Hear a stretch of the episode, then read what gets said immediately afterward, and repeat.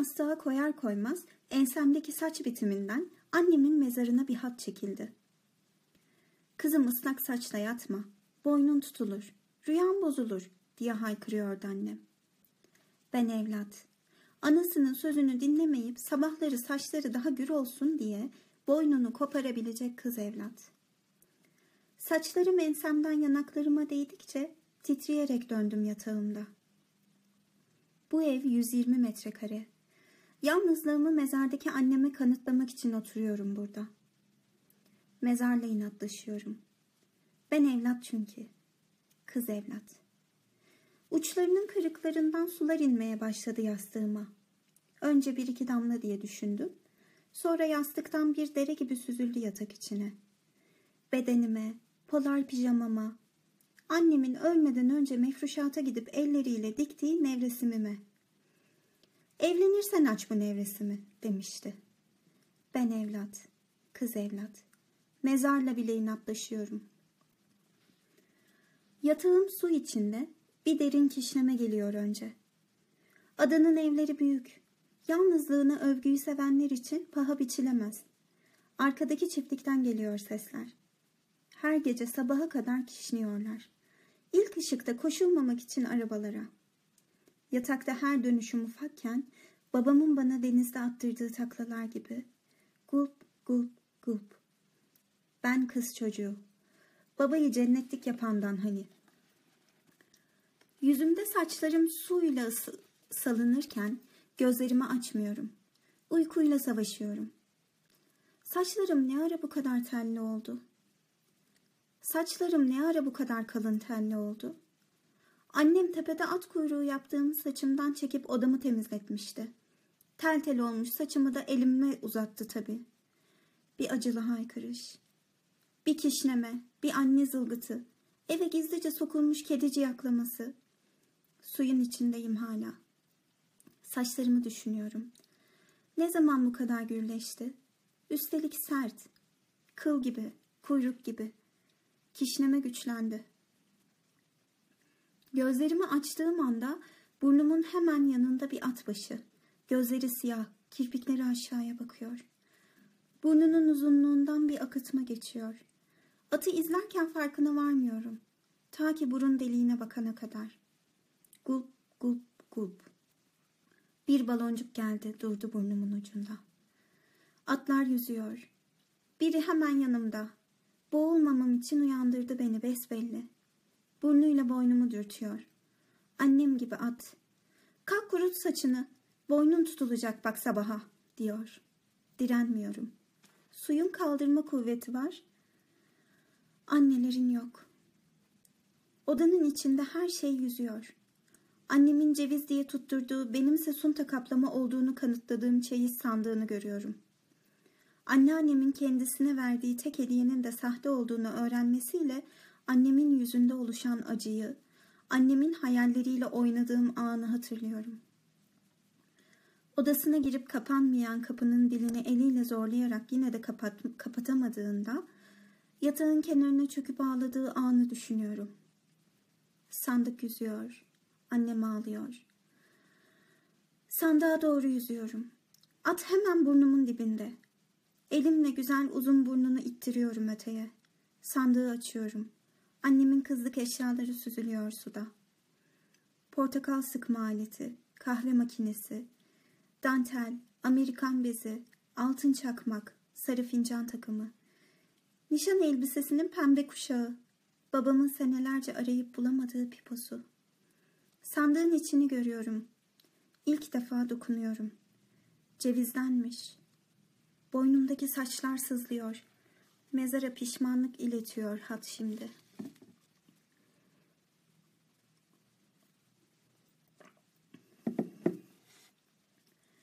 Nefesimi nasıl tutuyorum? At boynunu çenemin altına koyuyor. Gitmemiz lazım belli ki. Yatak odasının kapısının süzüldüğümüz anda çalışma odasından ıslak sayfalar düşüyor önüme. Düşüş düşüş sayfalar. Melek. Ne ağlıyorsun? Bırak şu ağlamayı. Ağlama kaçlıktan gelir. Etrafına bak herkes ağlıyor. Bunun sebebi açlık. Okuduğum son şey olacak herhalde. Suyun içindeyim. Vücudum yadırgamıyor. Hiç balık yok henüz. At akıtmalı başını döndürüyor yüzüme. Bir görevi yerine getirir gibi. Mutfak, tar mutfak tarafında yağlı tavanın artığı süt, yoğurt ve rakı suyu bulandırıyor. Mutfak tarafında yağlı tavanın artığı süt, yoğurt ve rakı suyu bulandırıyor. Sırtımda büyük bir ağrı. Kollarım hissizleşiyor. Daha ne kadar yüzeceğim? At kapıyı açıyor. Peşindeyim. Bahçede baktığım iki köpek. Onlara da bir at koyamadım. Adlandırmaktan korkuyorum. Babam bir kadın adı söyleyip gittiğinden beri kulaklarını sallıyorlar yine bana. Mama verdiğimdeki gibi yalanıyorlar.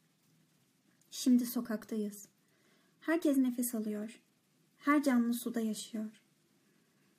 Ayaklarımı yere basmaya çalıştıkça polar pijamamdan ısırıp çekiyor beni at. Koltuk altımda ağda acısı gibi bir sızı. Ah! Suya kanım bulaşıyor. Koltuk altlarımda yüzgeç çıkıyor.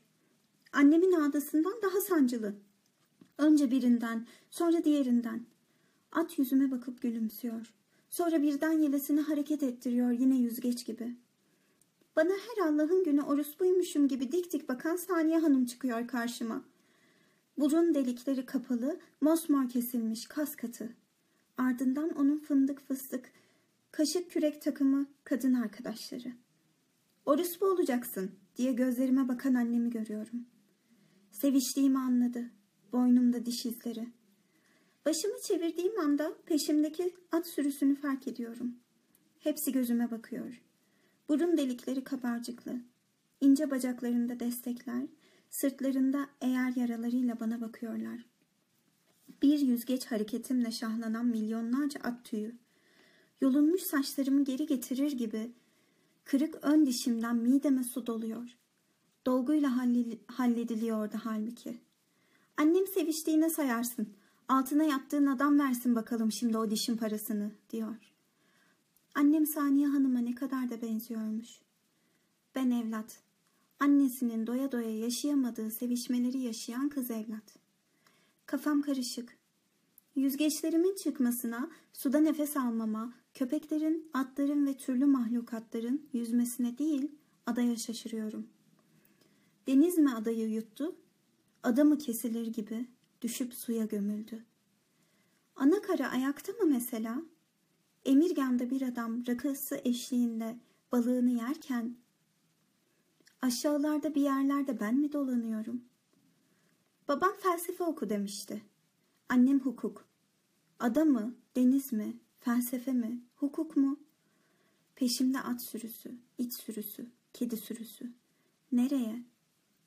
Hiç balık yok. Çarşıda, balık kasalarında bile. Ara sokağa sapıyoruz. Fırın ekmeğinin kokusu çalmıyor sanki burnuma. Fırın ekmeğinin kokusu çalınıyor sanki burnuma. Madame Zizi'nin zeytinyağlı ekmeği.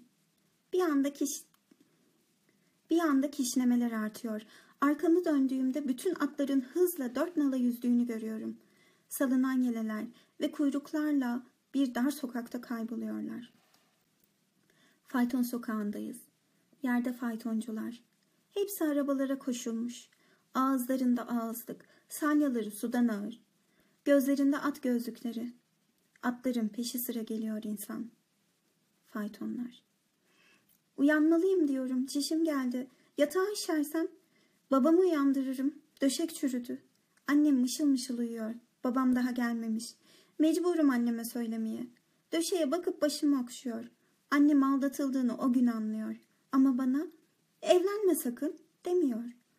O günden sonra evlenmem için her şeyi yapıyor hatta. Ölmüş annemle inatlaşıyorum hala. Suyun altında bile. Uyanmam lazım. Uyanmam lazım. Atlar etrafımda çember oluyor. Ardı sıra köpekler, sonra kediler, faytonlar, insanlar. Ortadayım. Yolsuz bir yolda, çizgisiz bir çizgide. Bakıyorum atların gözlerine. Hepsinde babamın son bakışları. Birlikte Emirgan'daki sokak lokantada birlikte Emirgan'daki lokantada hiç sevmediğim mezeleri söyleyip rakımı tek koyduğu andayız. Gülümsüyor. Kırık dişini göster bir diyor. Fava, tarator, pilaki, kahkahalarla bana bakıp alay ediyor. Babam yine tek koyuyor rakımı, yine buzsuz, hakaret eder gibi. Buzsuz rakı olmaz. Adaletli baba olmayacağı gibi.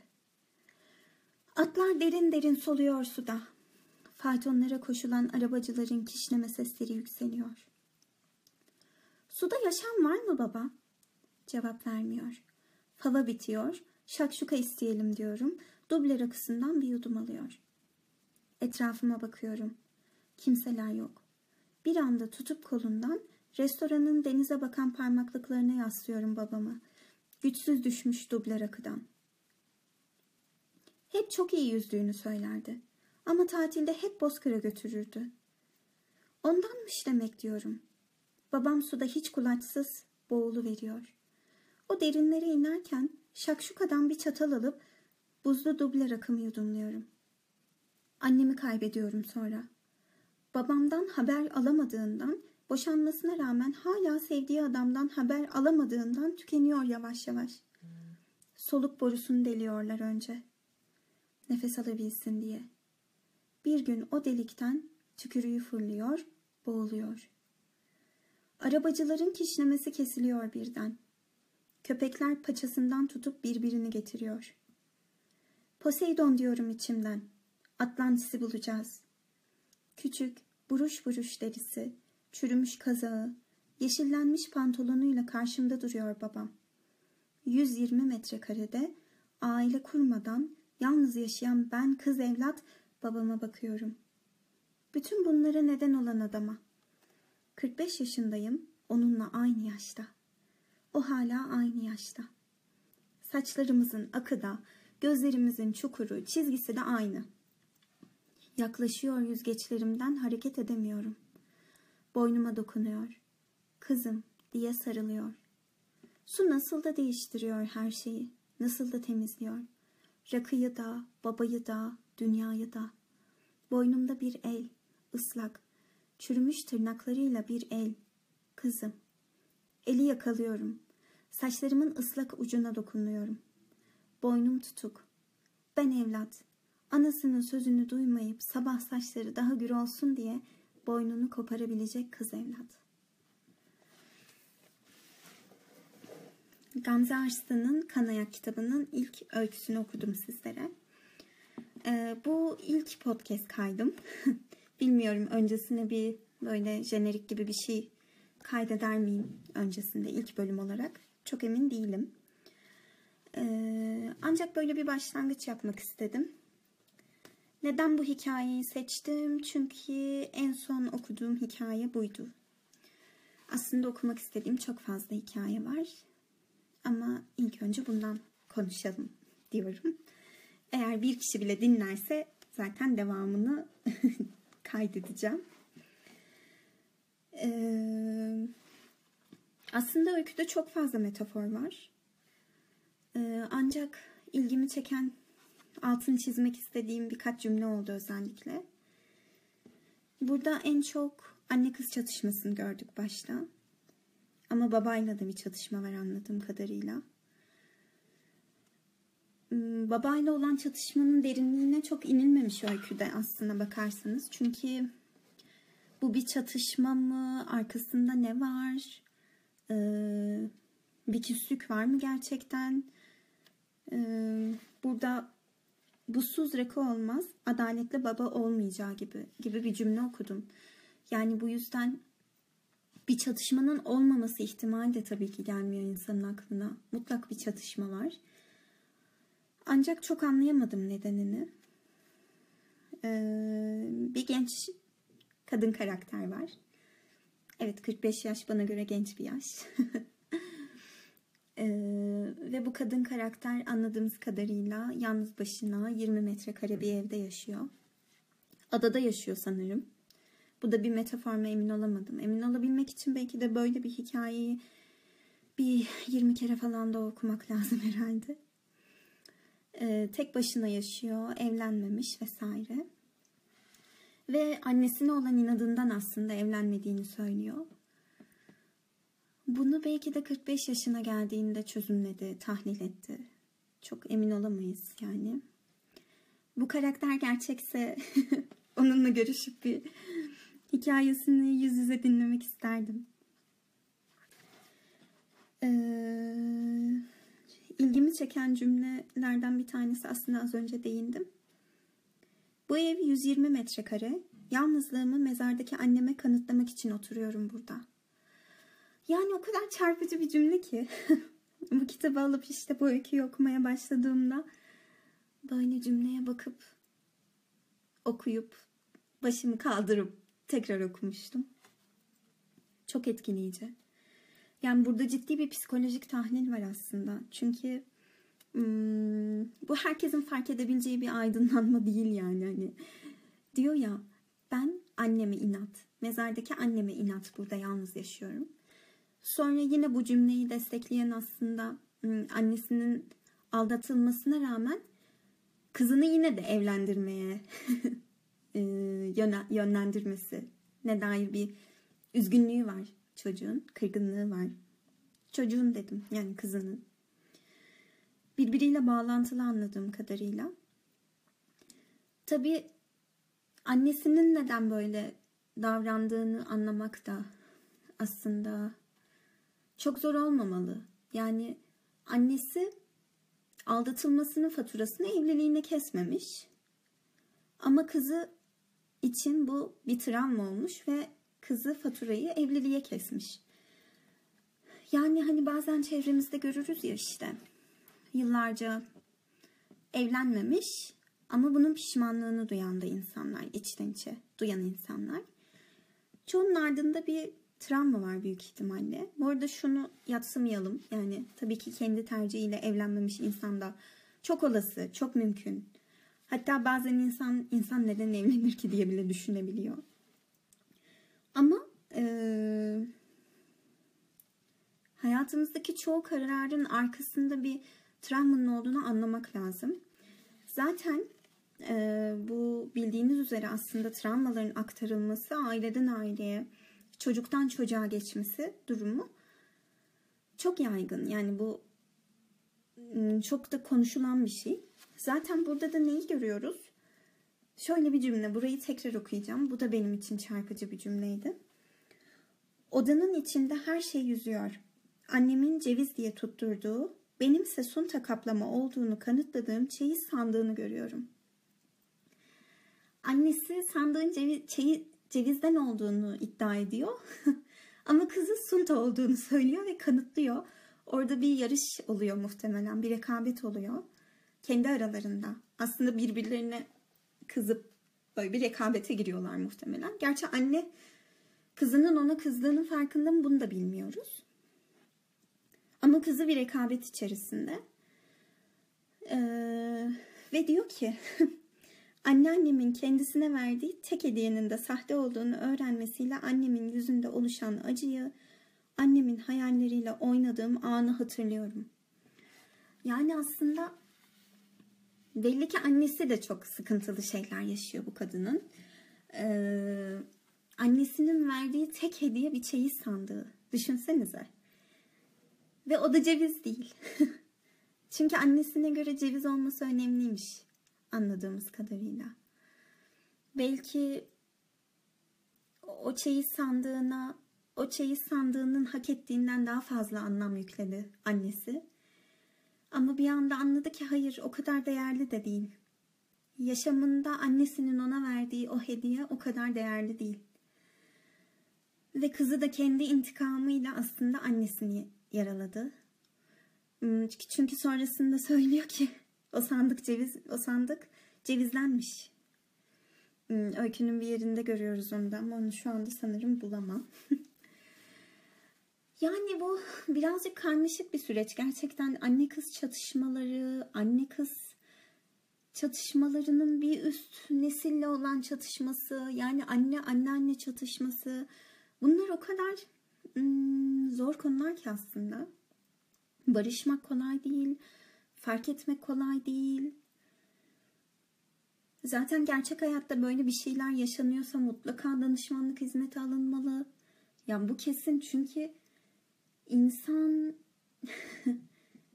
ailesiyle barışmalı. Yani barışamadığı zaman bakın şunu söylemiyorum. Ee, ne yapılırsa yapılsın affedilsin. Anne baba kutsaldır falan. Böyle bir şey düşünmüyorum asla. Ee, insanlar kendi değerlerini kendileri belirliyorlar. Ama bu barış galiba insanın kendisi için yapılmalı. Yani o barış olmadan çünkü yola devam edemiyor insan. Yani düşünsenize bu kadın yani bir öyküden çıkarıyoruz tabii ki bunları. Gerçekten neler olduğunu bilmiyoruz. Belki kurgu karakter bunu da bilmiyorum. Ki kurgu olması muhtemel ama bir yandan da hepimiz gibi. Yani çok kurgu da değil gibi o kadar gerçek. Yani e, düşünsenize 45 yaşında bir adada tek başına bir evde tamam olabilir bu kendi tercihi olabilir. Ancak mutlu değil. ya da anlattığı kısımda gördüğümüz kadarıyla mutlu değil. Ve bunu kendi iradesiyle seçmedi, travmalarının onu itelemesiyle seçti. Yani bunları aşabilmiş olsaydı belki bambaşka bir yol çizecekti. Ha, evet belki yine 20 metrekarelik bir evde yaşayacaktı tek başına ve evlenmeyecekti. Ama bunun nedeni annesine olan kırgınlığı ya da kızgınlığı olmayacaktı. Bu yüzden gerçekten çok çok önemli. Yani anneyle barışmak çok önemli. Dediğim gibi bu gidip kendisiyle barışmak değil. Bu içinde barışmak. Kendi içinde barışmak onunla. Annelerin de bir birey olduğunu, onların mükemmel olmadığını kabul etmek belki de. Bunu beklememek belki de. Yani keşke şöyle ideal bir düzende yaşıyor olsaydık. Yani herkes yeter belli bir yeterliliğe sahip olduğunda çocuk doğursaydı kendi kişisel ım, yetkinliğine, olgunluğuna ulaştıktan sonra çocuk doğursaydı da hiç böyle şeylere gerek kalmasaydı. Ama bu bir ideal değil mi? Yani bu mümkün mü? İdeal. İdeal olan çoğu zaman mümkün olmuyor.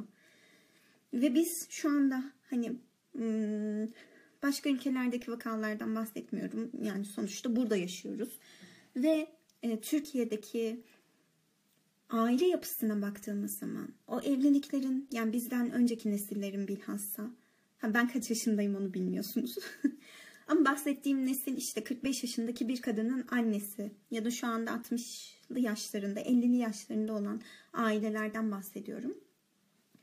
Bunlardan kaç tanesi zaten kendi iradesiyle evlendi? Kendi iradesiyle evlendiğinde dahi kaç tanesi zaten olgun insanlarda da doğru seçimler, güzel seçimler yapabiliyordu. Ve nerede yaşanırsa yaşansın zaten mükemmel olan o evliliği yapmak da çok mümkün görünmüyor. O yüzden biz var olan veriye bakacağız. Yani şu anda mesela bu 45 yaşında bahsettiğimiz kadını, kadının yerine geçeyim şimdi. Ne, nasıl bir durum var? Benim annem ve babamın böyle bir evliliği oldu. Babam annemi aldattı. Annem bununla ilgili olan durumunu aşmadan belki beni evliliğe zorladı. Annemin annesiyle de sıkıntıları vardı. Babam zaten rakıdan gitti vesaire. Böyle bir hikaye değil mi? Yani tabii ki insan çocuk olarak bekler. Yani ailesinin ona en güzel şeyleri sunmasını bekler. Ve en basitinden onu anlamasını bekler. Ama kendisini anlamayan insan çocuğunu nasıl anlasın? Keşke daha farklı olsaydı ama bu şekilde. Durum bu şekilde. Ve durum bu şekildeyken yapılacak tek bir şey kalıyor. Ya kendi kendini aşacaksın ya birilerinden destek alacaksın. Ki bence destek almak çok kıymetli. Çünkü bazen insan bu cümleyi çok kuracağım bu arada. Daha sonra da kayıtlar yaparsam. Yani insan bazen yaşadığı şeyleri o kadar e, içselleştiriyor ki orada körleşmeye başlıyor bir noktadan sonra. Yani şöyle düşünün. Bir evin içinde yaşıyorsunuz ve o evde bir odanın içinde yaşıyorsunuz diyelim. Ve o odada hiçbir zaman hiçbir şey kımıldamıyor. Yani sabit. Öyle düşünün. Bir masa var sabit. O masanın üstünde ne varsa sabit. Ve siz oraya hiçbir şey koyamıyorsunuz. Oradan hiçbir şey alamıyorsunuz. Ve her gün o odaya uyanıyorsunuz. O odada uyuyorsunuz. Bir noktadan sonra artık görmemeye başlarsınız. Duyularınızı kaybetmeye başlarsınız. Görürsünüz ama fark etmemeye başlarsınız. Orada en ufak bir kıvılcım, bir kıpırdama olmadığı sürece. Dolayısıyla orada birinin hmm, size bir şeyler söylemesi gerekiyor olabilir. Ya da sizin birine bir şeyler anlatmanız gerekiyor olabilir. Yani sizin farklı bir bakışa, farklı bir sese ihtiyacınız olabilir. Ee, bu noktada eğer hayattayken anne babalar bunu yapmak daha da iyi olabilir. Belki onlar da sürecin içine katılabilir ve bir farkındalık oluşur ve kimse mezarla inatlaşmaz. Ee, şayet kaybedildiyse de anne baba o zaman da kendi içinizde yine birinden yardım olarak alarak çözmeniz güzel olacaktır. Ee, tabii bunu seçerseniz. Yani böyle yaşamak da isteyebilirsiniz. Ben buna zaten bir şey diyemem. Evet bu bölüm böyleydi. Hmm. Çok plansız bir konuşma oldu. Öyküyü okudum direkt ve daha öncesinde bir kere okumuştum ve bayağı uzun zaman geçmişti üstünden. Şimdi de ikinci okumamı yaptım. Dilerim birilerine katkı olur. Dilerim hoşunuza gider. Hmm, hoşçakalın.